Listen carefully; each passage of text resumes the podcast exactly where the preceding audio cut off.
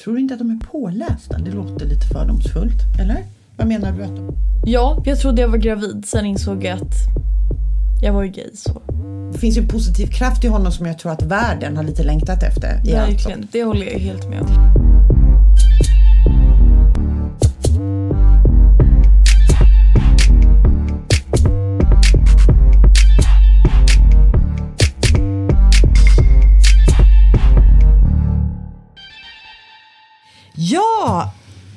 Hej och välkomna till Prettotanten och PK-bruden avsnitt 9, Molly. Så sjukt att vi har spelat in det här nionde Ja, avsnittet. Ja, och eh, vi sitter här med våra nya popfilter nu som vi hade förra gången också. Det känns väldigt proffsigt med de Ja, här det gör det filtrerna. faktiskt. Måste ja, det, gör det, det gör det.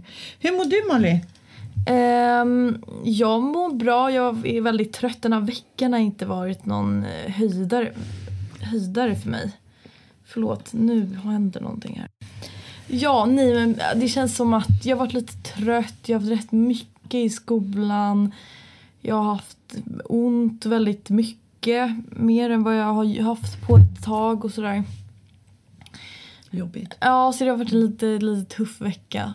Så jag längtar nu lite efter, lite efter helg helt enkelt. Åker du iväg då? Ja. Du köpte biljetter, just det. Det pratade vi om sist här. Imorgon eftermiddag. ja, Typ precis. halv fem eller någonting. Ja, ja det, kommer du ihåg? Efter Ja, skolan. siffror. Fråga din mamma. Ja, det är väldigt dyrt. Alla dessa resor. Är det dy- ja, det blir det. Men vad kostar det att åka ner då? Upp, tur och tur? Om jag har tur så får jag att kostar blir det 199 plus 199. Mm. 400 spänn. Ja. Men det är ofta en som går på 225. Okej. Men ja, vi delar på det. Alltså, så att, Ja, ja, ja. eh, Hon betalar halv... Ja, hon, Mm, ju, hon jobbar ju. Ja. Ja, hon, jag skulle säga att jag, vi, att jag är tacksam för att ha mina föräldrar. Liksom. ja. Det, har inte, eller det har inte riktigt hon på samma sätt eftersom Nej. hon är lite äldre. Nej. Med ekonomin liksom. Mm. Men vi delar så det, det är väldigt bra. Eh, nej men så att, eh, ja det var hur med dig? Jo, alltså... Eh, det är bra. Eh, jag kom på en sak som jag absolut glömde bort förra veckan. För jag var ju så upptagen av min hund. Ja. Och att han ska få valpar kanske. Ja. Eh, jag glöm, vi glömde ju prata om Joe Biden och hans... Att han har blivit president. Ja, Det var ju fantastiskt tyckte jag den ceremonin. Den var ju så häftig med, med Lady Gaga. Jag blev rörd. Hon var så rörd när hon sjöng nationalsången. Och, ja. ja, men det var ju... Det känns ju... alltså någonting jag måste säga. Ja. Alltså som jag tänker, alltså jag tänker inte på USA så mycket. Som jag gör. Du, alltså nej men alltså jag, nej men jag, det är så här. Eller jag kan tänka i media. Nej men i media så tycker jag också att det, det är så extremt stort Ja. fokus på. USA. Och jag förstår det, det är liksom en, verkligen en supermakt i vår värld. Men alltså jag har nu känns det som det är lite uttjatat. Mm, jag förstår. Och, och du har ju dessutom suttit med mig. Ja. Jag tror att du ska flytta till Frankrike eller någonting. Jag tror de skiter fullkomligt i USA där. Alltså de är mycket... Nej men vi är ju tydligen väldigt också i Sverige. Säger man ju att vi är så oerhört inspirerade utav USA och fix, lite fixerade kanske också. Eh, sen så är det väl klart så här att min generation kanske har varit ännu mer upprörd och förtvivlad över Trumps fyra år. Att det är så mycket som berör... Han har ju påverkat världen så mycket med de här med att han har tag, dragit sig ur WHO, att han har dragit sig ur Men Parisavtalet. menar du att jag, att Nej, det jag menar var jag för inte. ung för fyra Nej, det år menar jag inte. Nej, nej, men gud. Nej, men jag tänker bara att man kanske... Ja. Nej, men det är klart att det har varit en enorm bevakning. Men jag förstår, jag tycker att det är lite sunt att du inte bryr dig så mycket om dem. Ja, jag tycker faktiskt det. ja, jag tycker det är li- bättre att foka på EU. Ja, precis. Jag, kan, jag tycker att ibland så kan det nästan bli så att den här fixeringen Mm. ger ju dem väldigt mycket makt. Alltså, Gud, ja! Och storhetsvansinne. Alltså, det känns som att om, vi, om det skulle vara så här Ja, det vet inte, jag vet inte om det blir lite kontraproduktivt nästan. Att alla ska hålla på och Mm. Säkert. bara... Och sen är ju såklart det är jätteviktigt, det är inte det jag säger. Mm. Nej, men men att liksom, ja, jag känner mig lite trött på det. Ja. Och då ska vi fortsätta prata. Nej, men jag, jag, jag känner väl så här att för min del och jag tror om jag tittar bland mina vänner på Facebook så är alla lite lättare nu. Att det Ja, känns gud, i ja. den här, det som är nu i världen med pandemin och nu verkar ju vaccineringen ta lite längre tid än vad den Mm. var planerad. Alltså det finns ju mycket som har varit så tungt. Mm. Och speciellt kanske också för många i min, om, bland mina vänner som också håller på med kultur och skådespelare och sådär som har gått arbetslösa och så går man och då är det på något vis en enorm positiv kraft Ja. att Joe Biden har, eh, också har en regering som har sån mångfald. Alltså det är ju det så med fantastiskt med kvinnor, svarta, Mexiko. Alltså det, det är ju sån mångfald i eh, det finns ju native americans också, en kvinna i regeringen. Så det är ju, och han har ju också bestämt sig för att de ska satsa på eh, eh, klimatet och, och bygga Ja. ut alternativa, eh, komma ifrån de fossila bränslena Mm. och sådär. Så att det, det, finns ju en positiv kraft i honom som jag tror att världen har lite längtat efter. Verkligen, det håller jag helt med om. Men det som jag har ägnat idag förmiddagen åt, Molly. Mm. Nu hoppar vi från det ena till det andra. Nu hoppar vi till fullkomlig yta. Jag gick och har, jag har ju väldigt ganska långt rakt hår som är tunt så här. Svensk tunt hår har jag, ja, inte som du. Och man, man kan inte... Jag har det så här rakt, det är lite tofs. Och så har jag fått för mig att nu ska jag ha lite mer damig frisyr. Jag skulle vilja ha det liksom lite fönat och lite Oj, så här oj. volym. Liksom så. så jag har köpt en fön med borste i. För att jag kan ju inte föna och borsta för då fastnar borsten i håret. Jag är oerhört otålig och sånt här opraktiskt. Okej. Så nu har jag köpt en fön med forste borste som man rullar så här. Och så har jag tänkt att jag ska liksom få ett mer vackert hår. Så, så jag har fönat mitt hår nu på förmiddagen. Och eh, det krävs väldigt mycket träning. att Ah, bra. Och sen var det också väldigt roligt att jag fönade jättemycket och sen snöade det och jag sätter på mössa. Så att allting är ju borta. Ja, det, det, eller det, det, du, jag tycker du är jättefin i håret men jag är kanske ingen jättesjuk men jag tycker alltid du är fin i håret. Det syns ingen skillnad Jag har jobbat jättehårt. Och, och jag vill liksom lära mig så att jag kan göra så här fin... Jag har tittat på massa Youtube-klipp och du vet, de, är, de fönar ju upp det och sådär. Men ja, man behöver ju mycket eh, vad ska man säga, produkter också i håret för att få det så här. Ja, Mm. ja, jag har ju min lilla hylla med hårgrejer där som du ser. Ja, ja men eh, ja. Eh, nej, men, men det har jag ägnat förmiddagen åt innan jag gick hit. Mm, jag förstår. Det är jättespännande. Jättespännande. Men, ja. Alltid Följ jättespännande. Hårutveckling. Nej, men jag skulle vilja lära mig... Jag känner att jag är 53 år. Alltså jag känner också så att nu vill jag ha en mer mogen stil om du förstår vad jag menar. Jaha, okej. tänkte att jag ska- Det du har du inte? Eller tycker du inte? Jag vet inte, jag har ingen stil alls. Men nu Ah, har jag okej. tänkt att jag ska bli en MQ-kvinna. Jaha. Mm. Lite mer damigt. Ja. Och sen också då ha mitt hår. Så det kommer aldrig gå. För att jag är så otålig och sånt här. Och jag är så dålig på det här. Men jag tänker att det kan vara en liten rolig utmaning för våren. En oerhört ytlig sak. Från Joe Biden till mitt hår. Mm. Ha, men du. Vi, vi kör på va? Du har ju lektion idag också så vi blir lite mer effektiva när vi vet att du... Uppgiften som jag gav dig. Uppgiften! Uppgiften! Uppgiften! Hur har det gått? Ja, ehm, jag fick ju uppgifterna kring skönhetsoperationer och vad du tycker om det. Frågan är vad tycker du om det? Var går gränsen för vad, vad går gränsen för den allmänna sjukvården? Ska den allmänna sjukvården ta hand om allt? Eller finns det en gräns för vad den tar hand om? Förstår du vad jag Ja, absolut. Och två, vad anser du om skönhetsoperationer eller ingrepp?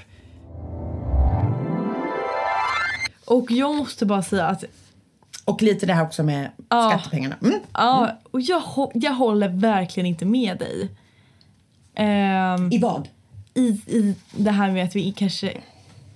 Den här försäkringen. Nej, nej men jag vet Ja, inte. Jag, nej, jag, jag är ju helt ambivalent. Ja. Jag det är därför jag bara Ja. gav dig kloka människa den här Eh, Nej men Ja, ja, det, det är ju så här, sen 90-talet så har ju antalet skönhetsoperationer ökat med 15% varje år. Skämtar du? Här i världen eller i Sverige? Eh, i, globalt Ja. enligt skönhetsoperationer.se. Jag vet inte riktigt hur källkritiskt det men nej. Ja.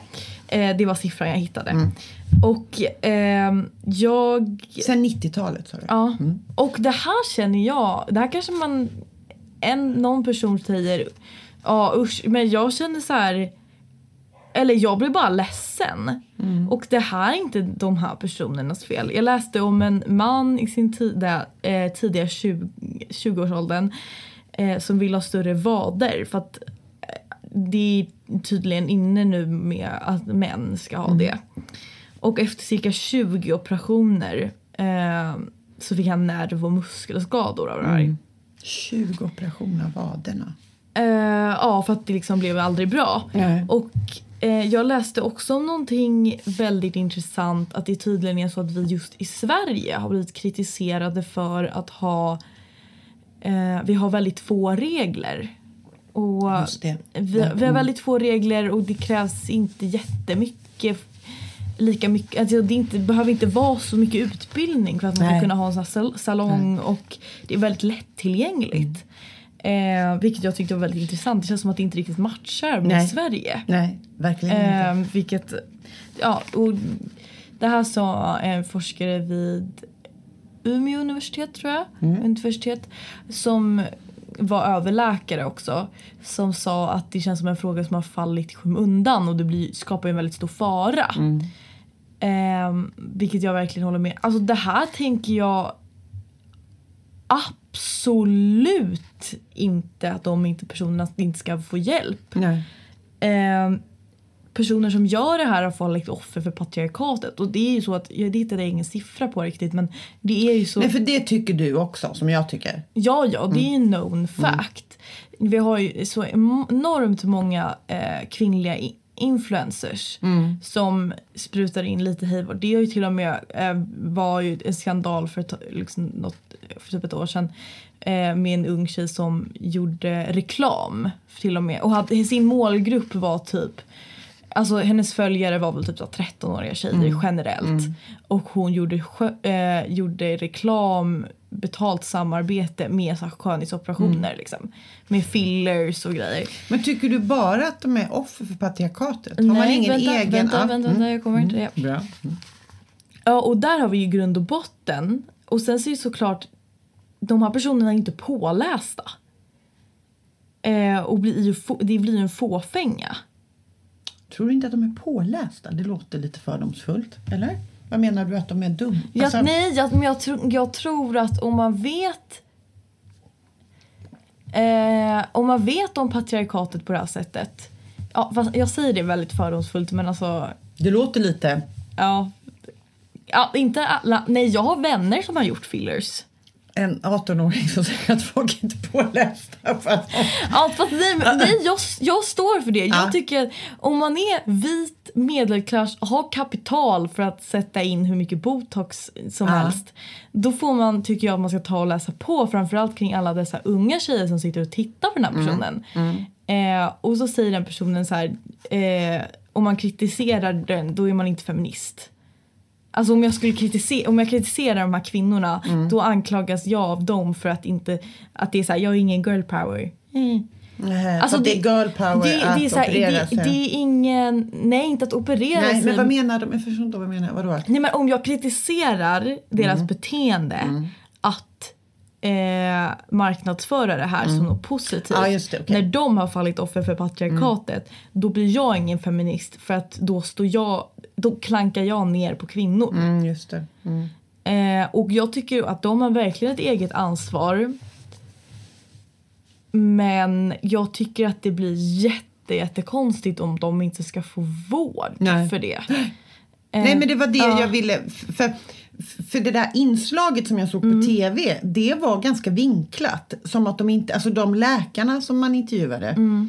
Det var därför jag lite gick på deras, vad ska jag säga, linje när jag sen gjorde min uppdatering. Men jag insåg ju samtidigt när jag gjorde uppdateringen att det här har jag inte tänkt igenom. Så det var jättebra. Mm. Men de var ju väldigt kritiska till att det skulle belasta. Ja, och jag, jag förstår det. Jag förstår poängen. Men det tycker jag snarare är ett rop på hjälp att vi måste verkligen kämpa med normerna och framförallt det här reglementet snarare. Ja, det är intressant. Jag, jag, som jag skrev här, det är samhällets problem, inte individens. Nej.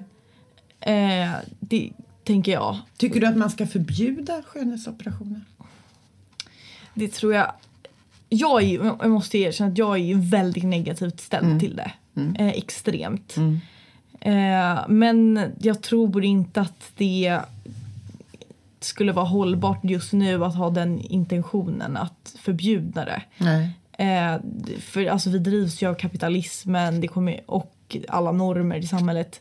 Men att ha ett kanske hårdare reglemente, Kräva mer av dem som utför det. ja, Mm. kräva mer av de som utför det och också kanske en så här, jag vet inte på något sätt, jag inte, men så här, lite så här, är du säker? Att man på något kanske har en väntetid, man får ko- boka en tid långt i förväg och måste gå och tänka, jag vet inte. Ehm, men ja, nej. För det är väl också så här, i vissa länder, det som Brasilien är väl det landet i världen som har mest skönhetsoperationer och sen tror jag det är Sydkorea. Där är det nog väldigt, där är det väldigt accepterat tror jag, eller väldigt någonstans ganska Ja det är ju normalt. nästan en norm. Ja. Eh, Och det säger ju en del saker. ja.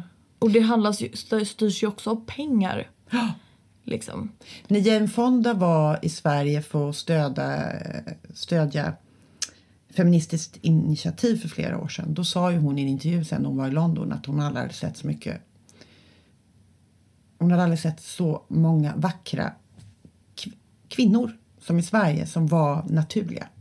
Alltså hon var helt chockad över det. Att det, hon var, tyckte att det var så fantastiskt. Hon har ju själv opererat sig men är också väldigt kritisk mot att hon har gjort det. Men hon har ju också haft ätstörningar hela sitt liv och varit eh, ett offer för både sin pa- kända pappas syn på hur en kvinna ska vara. Hon har liksom, ja, och männen hon har levt med. Så hon är ju väldigt kritisk, kritisk mot sitt eget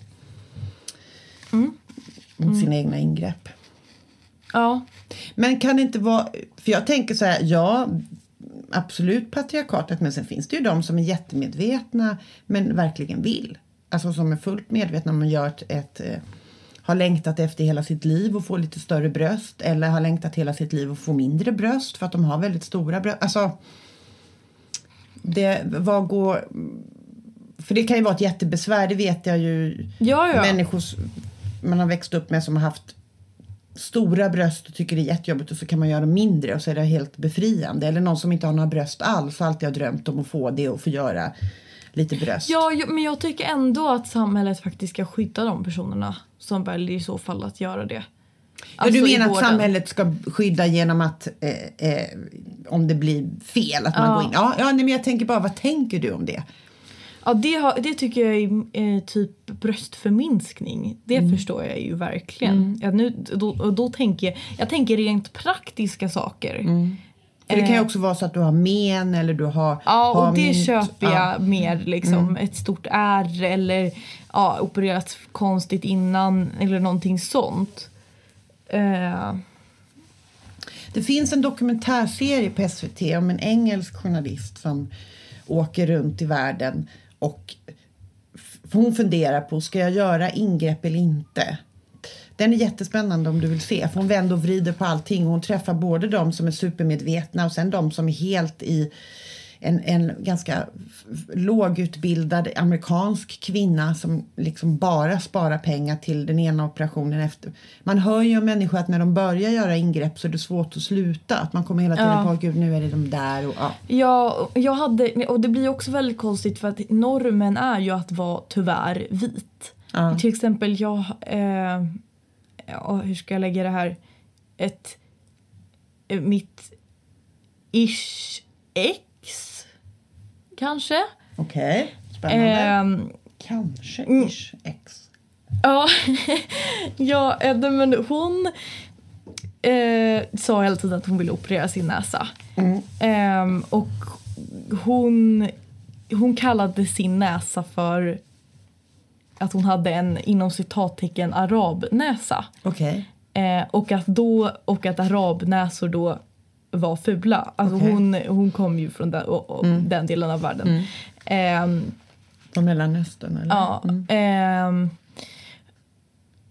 och ja, nej men och där var jag ju så här, men hur skulle du vilja ha din näsa då? Men så här, och då tittar vi på, det så här, ja, så visar näsor och så bara, men de där, det där är ju vita näsor. Mm. Du, du vill ju ha en vit näsa, du vill passa, du vill Mm. Du vill vara så vit som möjligt för att det är det mest accepterade. Mm. Och då kommer vi in på rasism. Eh, För det vet jag ju så himla många eh, svarta kvinnor Mm. som har gjort sin näsa eh, quote on quote vit liksom. Mm. Och det, det går ju så djupt Mm. liksom. Så att dessa, det förstår jag då. Mm. Alltså om du hatar din näsa för att den inte passar in eh, och kanske vi lever här till exempel och de flesta har inte den typen av näsa. Ja, gör det. Ändra din, jag tycker, ändra din näsa om du så gärna vill det. Mm. Eh, och då ska du få hjälp om inte det blir bra. Det handlar ju om någonting större än så liksom. Men tror du att det kommer bli mer och mer accepterat? För vi är ju i Sverige kommer det bli mer och mer accepterat över hela världen att vi till slut liksom att vi eh, inte överhuvudtaget vill se gamla ut. Att det bara, alltså att det den här, man kan ju, för många menar ju på att den här eh, kulturen av skönhetsoperation att det finns något slags åldersfrakt i den. Ja, verkligen. Jag tänker dock också att det är en ganska mycket större motståndsrörelse nu, framförallt på sociala medier. Mot det. Ja, att det går en ganska stor så här att man ska vara neutral och man ska få se ut som man vill. Eh, lite så body positivity grej. Eh, och att den grejen tror jag, hoppas jag, men jag tror, tror också på det att den kommer lyftas fram mer och mer. Eh, vi ser mer normal eh, stora kvinnor i reklamer Mannekänger, alltså Ja. modevärlden har ju tagit in med annan etnisk bakgrund. Ja. Det är så här, om den här personen, och vi ser till exempel om vi bara fortsätter med det här exemplet, näsor Mm. av, an, av andra kulturer. Det är inget konstigt, det är lika fint. Mm. Då kommer det ju inte finnas eh, varför ska man då, då, varför kommer de, då kommer inte de vilja operera sin näsa längre. Så du tänker att det handlar med normerna och den vita normen och vita... Mm. Mm. Men det är ju intressant att vi har så då dåliga restriktioner. Det är ju, blir lite dubbelt tycker jag, Sveriges hållning, lagstiftning. Det är som att de har hamnat emellan stolarna och, och kommit undan på något sätt. För det har jag också hört om det där nu, nu det du säger. Ja. det. Att det inte är så hårda krav på de här skönhetssalongerna. Nej, precis. Ja, ja. ja det var min fråga. Spännande! Ska jag ta min nu? Jajamensan. Min fråga är vad anser du om dödsstraff? Eh, och lite följdfrågor lite så för att hjälpa dig, lite så Ja. för och nackdelar. Vad skulle du säga om det infördes i Sverige imorgon? Och skulle du, om du var typ djupt cancersjuk och jättelidande, an- kunna använda dig av det någon gång? Det var också otroligt intressant. Och jag har inte funderat över den frågan jättemycket innan du gav den till mig men jag hade någon slags uppfattning vad jag tyckte. Och jag tror att jag ändrat mig nu. Mm. Eh, då kan man ju säga så här. Att Sveriges hållning i det här är ju att man inte får, man får inte man får inte vidta några åtgärder för att förkorta sitt liv eller någon annans liv. Eh, däremot så kan man ge väldigt mycket smärtstillande i livets slutskede för att inte människor ska lida. Och man ska i den största månen göra så mycket vad ska man säga, livsuppehållande åtgärder. Men det finns också, man kan också göra livsuppehållande begränsningar utifrån patienten, hur sjuk de är. Om man tänker så här att det finns ingen om vi sätter in de här åtgärderna så spelar det ingen roll för cancern är så långt gående så att vi ger bara smärtstillande. Så. Men det, eh, när man läser om det så tycker jag, nu, jag menar nu har jag ju, bara skrapar jag på ytan i det här. Men som jag uppfattar det så tänker jag att det är väldigt svåra dilemman som vårdpersonalen har i förhållande till vad patienten vill. Och Ja. att man, hur långt ska vi gå? Hur länge ska vi ge de här livsuppehållande åtgärderna, göra de här åtgärderna för att den här personen ska inte dö? Och vad får det kosta? Liksom så. Och sen tittade jag också på Svenska kyrkan, kom jag bara in på av en slump, men de menar ju liksom att, de menar att människovärdet är så starkt så att man, kan, man får inte på något sätt förkorta det. Så. Och, och, och, och det finns, ja, så. Sen så finns det men då finns det ju i väldigt många länder där man får använda sig av dödshjälp. Eh, och eh, det finns ju, det finns, det finns liksom två olika det finns två olika former av dödshjälp. Aktiv dödshjälp som heter eutanasi. Och sen så finns det läkarassisterat då självmord. Det är då, då intar då tar patienten själv. När det är läkarassisterande så är det du själv som tar själva dosen om det är gift eller vad det är. I det andra fallet så är det vårdpersonalen som ger dig den. Så, så det är lite olika. Men ne- i Nederländerna, Belgien, vissa delstater i USA, Kanada, Luxemburg, Tyskland vid specifika fall, Estland, Israel och sen då Schweiz som är kända av den anledningen att även då icke schweiziska medborgare får komma dit och ta sina liv. Och det är det de är kända för. Och så det är lite olika de här länderna om man har aktiv dödshjälp i eutanasi eller om det är läkarassisterande självmord. Det är lite olika i länderna, så grader och lite olika ålders eh, på det. Men det som är viktigt är liksom att den personen som vill då använda sig av detta är dödssjuk. Och det som är viktigt är också att du hela tiden är fullt medveten vid dina sinnesfulla bruk när du fattar beslutet och att det är flera olika läkare oberoende av varandra som liksom undersöker den här patienten och ser liksom det här är. Men i vissa länder kan det till och med vara så att om du är ung så kan du göra det även om ja, men du lider av någonting väldigt fruktansvärt så. Eh, I Sverige finns det också en ideell en stiftelse som heter Dignitas som hjälper människor eh, att ta sig till Schweiz och få dödshjälp. Så de har funnits sedan 1998 och de har det är ungefär tusen personer som har använt sig av dem för att ta självmord. Oj. Ja, och då har de två lägenheter i Zürich. Och så. Och den, om, man vill göra det och åka till Schweiz så får man räkna med att det går på ungefär 120 000 Åh, gud. snitt ja, får göra det. Eh, och då de som är för dödshjälp menar ju på att varje människa har rätt att besluta om sitt liv. Och att, man, att det är mer humant och att man ska slippa lida. Eh, det, det är ju det som, som är liksom de, vad ska man säga, största argumenten för det. Att du har rätt att bestämma det själv. Och om du lider så mycket så ska du få så. Eh, de som är emot dödshjälp pratar då mycket om det som kyrkan gör men man är också väldigt, vad jag, vad jag har tolkat så är de väldigt oroliga för att det här ska missbrukas. Att man ska använda den här dödshjälpen till att du vet, ta bort människor som inte som är sjuka eller som lider, alltså att det ska utnyttjas av eh, människor för att ta bort Ja, det kan jag ju förstå. Ja, och sen är de också oroliga för att äldre inte vill belasta samhället och sina anhöriga. Så av den anledningen vill liksom somna in och dö. För att man är rädd för att det här blir jobbigt för dem. Och vi, jag vill inte besvära. Alltså den här lite också äldre generationen som är så rädda för de som aldrig ber om hjälp. Som mina föräldrar eller mina farföräldrar. Som kunde vara hur sjuka som helst innan de åker in till sjukhuset för de tycker det är så pinsamt de måste. Så där finns en sån rädsla. Eh, men jag måste säga att när jag nu har läst om det här och att det är så oerhört eh, viktigt med att man är vid sina sinnesfulla bruk när man tar beslutet. Att man flera olika läkare och, och, och personal liksom undersöker dig rent psykiskt var du befinner dig. Och eh, att det är giv- givetvis om du lider av någonting fruktansvärt mycket så tror jag att jag lutar åt att man faktiskt ska få ha den rätten att bestämma det själv.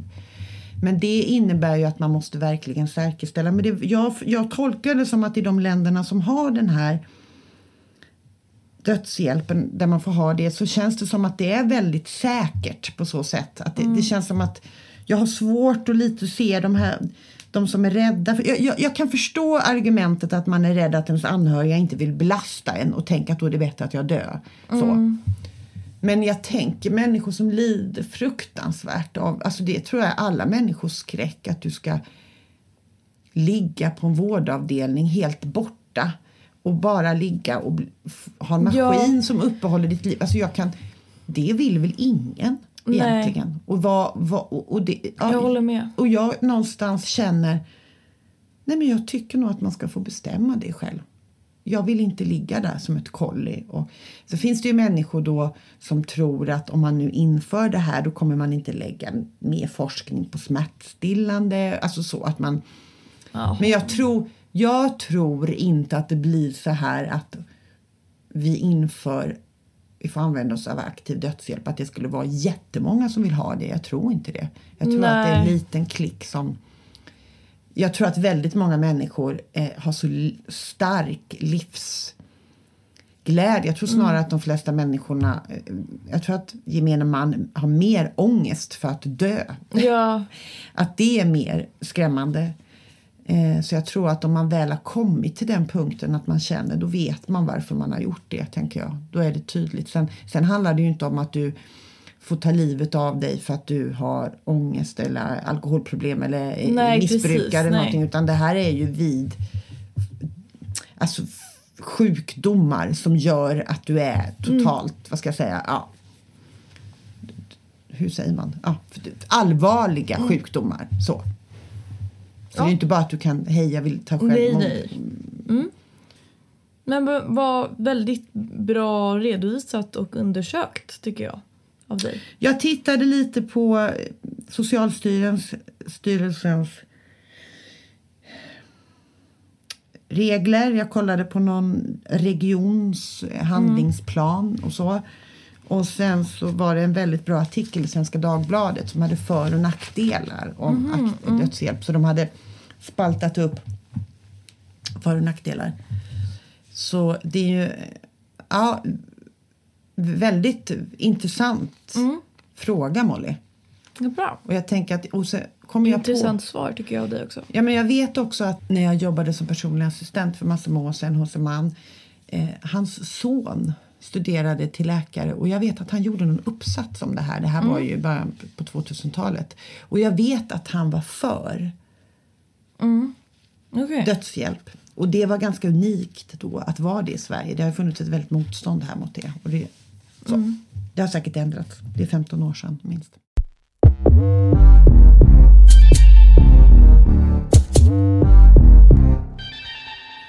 Yes. Ha, vad har du för fråga till mig nu då?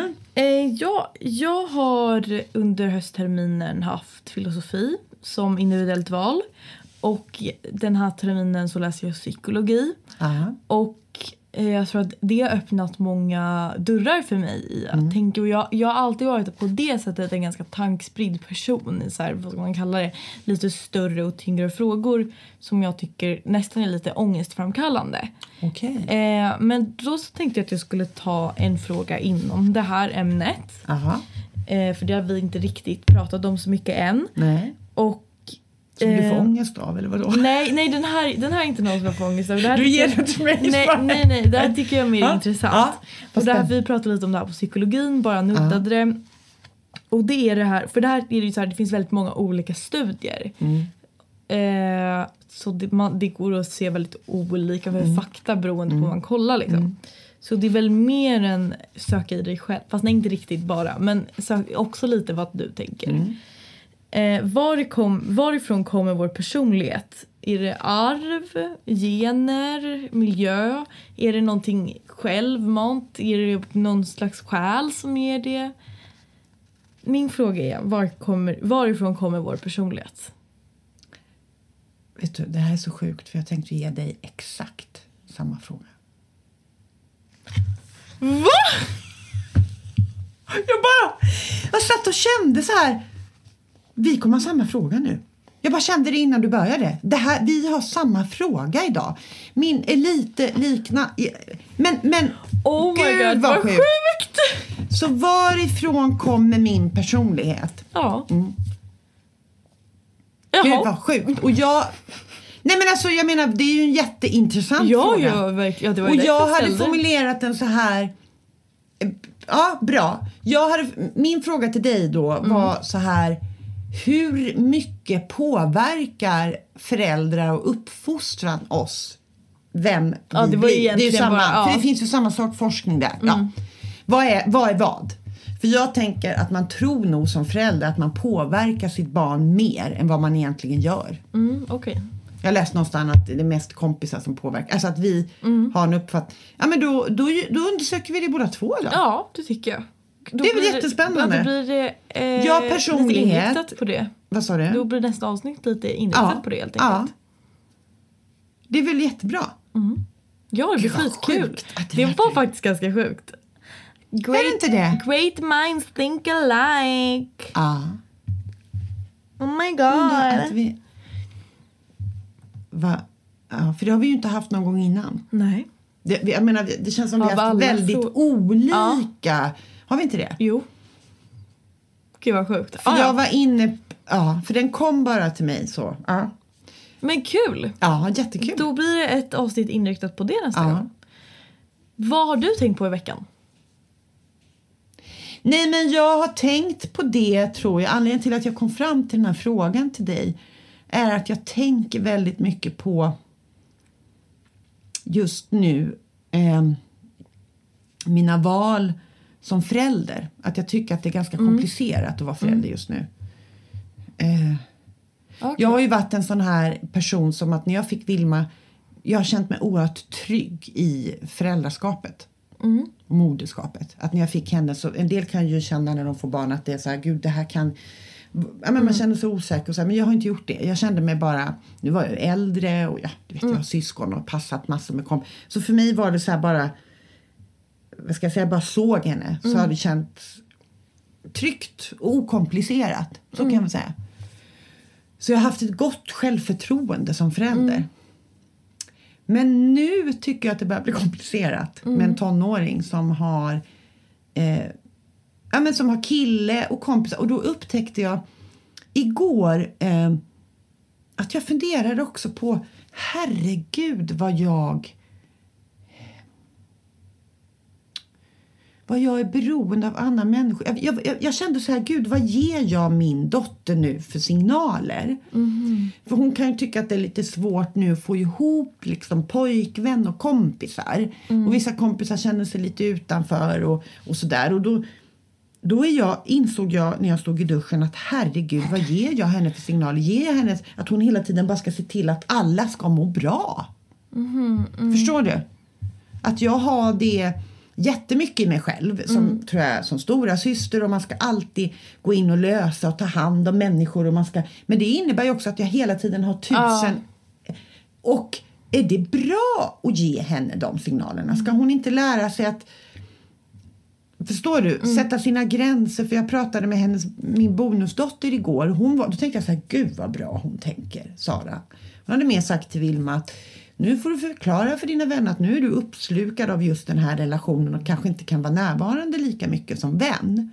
Och det får de liksom lite acceptera. Du kan inte vara där ute och se till att alla mår bra hela tiden. Och då tänkte jag så här, gud vad, vad ger jag för signal just nu? Att jag oroar mig för att hennes kompisar ska inte... Ja, men, Och sen är det väl också så att jag har ju en, kan man väl säga, en väldigt nära relation till min dotter och vi har alltid haft en slags dialog i allting nu. Liksom pratat mycket, det gör vi fortfarande. Men det är också vad behöver hon för gränser nu? Och, och de... Och det är väl där jag är så här, men gud, helt plötsligt så är det inte Ja. det självklart för mig vad jag ska ge för gränser. Så. Att jag är så här, ska jag, om jag är jättesträng då finns det en risk att hon gör massa saker, skit, och sen inte be mig om hjälp om det skiter sig. För skiter sig kommer det ju göra i tonåren. Och då vill jag ju att när det skiter sig, då vill jag att hon ska ringa till mig och be om hjälp. Ja. Jag vill inte att hon ska lösa det och Nej, sätta nej. sig på en jävla tunnelbana mitt i natten onykter. Och, och, Mm. Utan då vill, jag, jag vill ha det. Och då innebär det att är man för sträng, det förstår jag ju på hennes vänner, då berättar man inte föräldrarna Nej, någonting. verkligen. Och det fanns en gång, jag, jag såg Dr. Phil för massor med år sedan. Och där var det en eh, ung kille som hade satt sig och kört rattfull eh, och kört ihjäl ett barn. Men gud. Ja. Oj. Ja. Och hans mamma var med i programmet. Killen som hade kört in. Inte ba- ja, barnets föräldrar var också där. Men mamman till den här sonen, hon sa bara så här. Var inte för stränga mot era barn. För hade vi inte varit så stränga som vi har varit då hade han inte satt sig i bilen och kört hem utan han hade ringt till mig och bett mig hämta honom. Nu vågade han inte visa att han var full. Nej, och men, det, det är ju en balansgång hela tiden. Ja. Och den balansen just nu tycker jag är lite, Lite knepig. knepig, ja. Mm. Så den är, och därför kom den här också. Okej, Mm. hur mycket påverkar jag mitt barn egentligen? För nu är det ju bara kompisarna som Mm. gäller, i alla fall för min dotter. är bara kompisarna hela tiden. Och Mm. jag är lite så här i periferin just nu. Det är ju bra, men, men ja. ja, jag förstår. Mm. Det har varit upptagen och det, och det tänker jag att flera också säkert lyssnare som lyssnar på det här kan jag tänka mig känner igen sig. För Ja, nu skulle jag verkligen. vilja ha, nu har jag bollar jag ju med din mamma så himla mycket. Men det skulle vara lite skönt att ha något slags forum nu och bolla det här Ja. Mm. mer. Nu har jag ju massa vänner som jag kan som har gått igenom och barnen har kommit upp kommit ur den här tiden. Man säger ju att tonåren är inte bara till för barnen, den är ju till för oss också. För att jag ska också acceptera, jag ska också sätta mina gränser och mitt barn ska börja ta sina steg ut i världen och inte vara lika beroende av mig. Och då måste jag också, ja. Ja, det har jag, funderar jag på jättemycket nu. Vad funderar du på? Eller har gjort extra den här veckan? Eh, vad jag har funderat på? Ja, jag har en... Ja, jag trodde jag var gravid. Sen insåg jag att jag var ju gay så. Ja. jag bara, va? Vad sa du? du? Du har inte förstått det här med Eh, blommor och bin? Nej, men jag har en liten app som jag tycker är jätterolig att dokumentera i. Som alltså så här följer menscykeln. Ja. Och då sa, Vad heter den appen? Är den Eh, bra? Flo. Flo? Ja, FLO. Eh, och den är så jätterolig och man kan så scanna saker. Och, eh, och då, nu sa den, hade den beräknat, och den har varit väldigt bra, bra på att beräkna innan, att jag skulle få mens i måndags. Och sen så fick jag mens igår. Och jag, vill inte, och jag hade en jättebra plan. Och då sprack planen. Jag hatar mens så fruktansvärt mycket. Alltså jag har sånt starkt hat. Men ja i alla fall, så då gick jag där och det är så inpräntat i våra hjärnor. Att vi kan vara med barn. Att, att vi är gravida om, om mensen är Ja, sen. ja. Så jag sa till mamma i bilen, jag bara mamma, min mens är sen. Jag tror jag är gravid. Och hon bara eh, Eh, Okej, jag har missat en sak här, uppfostran. Molly, det behövs ett ägg och en spermie. Ja. Din tjej har inga spermier. Men ja, jag var inte gravid. Nej. Men all, du tänkte för en kort Ett ögonblick kort ögonblick. så glömde du liksom Ja. bort att ni två... Ja. vad tänkte du om då, då? Fick du panik? Eller vad tänkte du? Tänk om, du hann ju tänka att jag kanske är gravid. Alltså, Gud vad mysigt med ett litet barn här hemma. Bland alla hundar och, och hästar. Och, Nej det hade ju varit abort. ja. Det lät...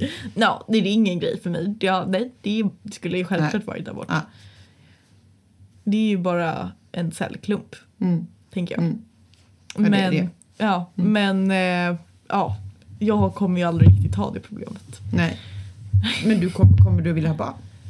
Eh, ja, jag vill Mm. ha barn. Jag vill ha två barn. Två barn? Mm. Helst två tjejer. Det kan du. du bara, jag, jag vill ha fem barn, jag fick ett. Oj. en konstig idé. Vi gjorde någon sån Fem? här, ja, men vi gjorde någon sån här, ja jag vet inte, vad- vi gjorde någon sån här konstig spågrej när jag gick på gymnasiet. Jag hade en väldigt härlig klass jag gick i. Vi var så här klass Ja, som låter- diskuterade jättemycket. Men då hade vi någon sån här eh, middag och då kunde man Då hade man någon slags tråd med någonting i och sen så töntig spågrej som man höll på med och så kunde man hur den roterade så kunde man avgöra hur många barn man skulle få. Aha. Och då fick du fem och du Nej, bara jag, oh my god. Nej, men jag hade nog tänkt så här, oh, stor eh, familj, många Mm. barn. Så. Men nu fick jag ju å andra sidan, jag fick ju två bonusbarn. Så Mm. att jag har ju haft en stor familj och hund. Och, Mm. eh, så. Men jag trodde kanske från början att jag skulle skaffa barn tidigare. Och, ja. Mm. Men, eh, så det blev, ju, det blev ju så ändå. Fast på ett annat sätt än vad jag hade tänkt. Nej men ja, jag förstår. Nej men jag vill ha, jag vill ha två barn. Ehm, ja, sen kommer ju till det där när man är lesbisk, så här, vem ska bära dem och sådär. Och vem, vem ska vara biologisk? Mm, just det. Man kan ju turas om. Ja. Ja, det är ju det lämpligaste Alltså egentligen. en bär, man Ja. bär ett barnbarn. Mm. Ja. Men jag vet inte, ja, jag vet inte vad jag... Alltså jag vill typ vara gravid. Lite low key. Mm. Men alltså, det kommer ju, fattar du min kropp? Ja. Alltså det verkar ju, och jag vill inte, förlåt, nu kommer man in här på gener men jag vill inte att mitt barn ska få mina pissiga gener. Reumatismen. Ja, jag vill inte ge det mitt barn, Nej. mitt barn det. Men samtidigt så här, jag vill ju att mitt barn ska vara så här, och bara åh lika gullig som mig. Precis. jag skojar. Nej men jag, jag vet inte. Ehm, Det där kan man ju inte veta heller. nej, jag tänker det får väl och det är så komma. olika. Jag, Jag vill, jag vill inte ha det på lång tid. Nej, nej. Jag mådde jättebra förutom första tiden men tyckte väldigt mycket om att vara gravid. Så. Alltså att det var något Mhm. häftigt med det tyckte jag. Inte början för då mådde jag illa så mycket men sen. Mm. Sen jobbade jag ju och jag var inte så himla upptagen av det heller. Jag tyckte, så var det. Det ja. Jag gjorde inte så stor grej av det men det var skönt. Och det kunde man inte riktigt göra heller när vi hade barnen. Att det kändes som att jag skulle sitta där och vara fixerad vid min... Jag tyckte det var skönt och inte Mm. vara så upptagen av det. Ja. Mm. Ja, men intressant. Ja. Okej, Molly. Då är, hur, mycket, hur lång tid har du kvar tills lektionen börjar? Eh, tio minuter, så det är ganska bra avslut Ja. här. Då får, har vi ett litet mer, det känns som att det här programmet var lite mer fokuserat och, eh, Ja. eller hur? Vi har inte fnissat och tramsat så mycket den här gången. Nej. Kanske lyssnarna tycker att vi är jättetråkiga för vi brukar... Men Lite fniss har vi nog fått lite fniss har vi fått in. Eh, men då så, vad spännande, vi ger varandra typ nästan samma fråga. Ja. Det blir jätteroligt. Så då kommer vi prata mycket om arv och genetik, kanske och biologi och sådär. Ja, I nästa så då program. hörs vi i avsnitt 10, vårt första tvåsiffriga Nej, avsnitt. så underbart. Puss och kram! Puss och kram, hej då!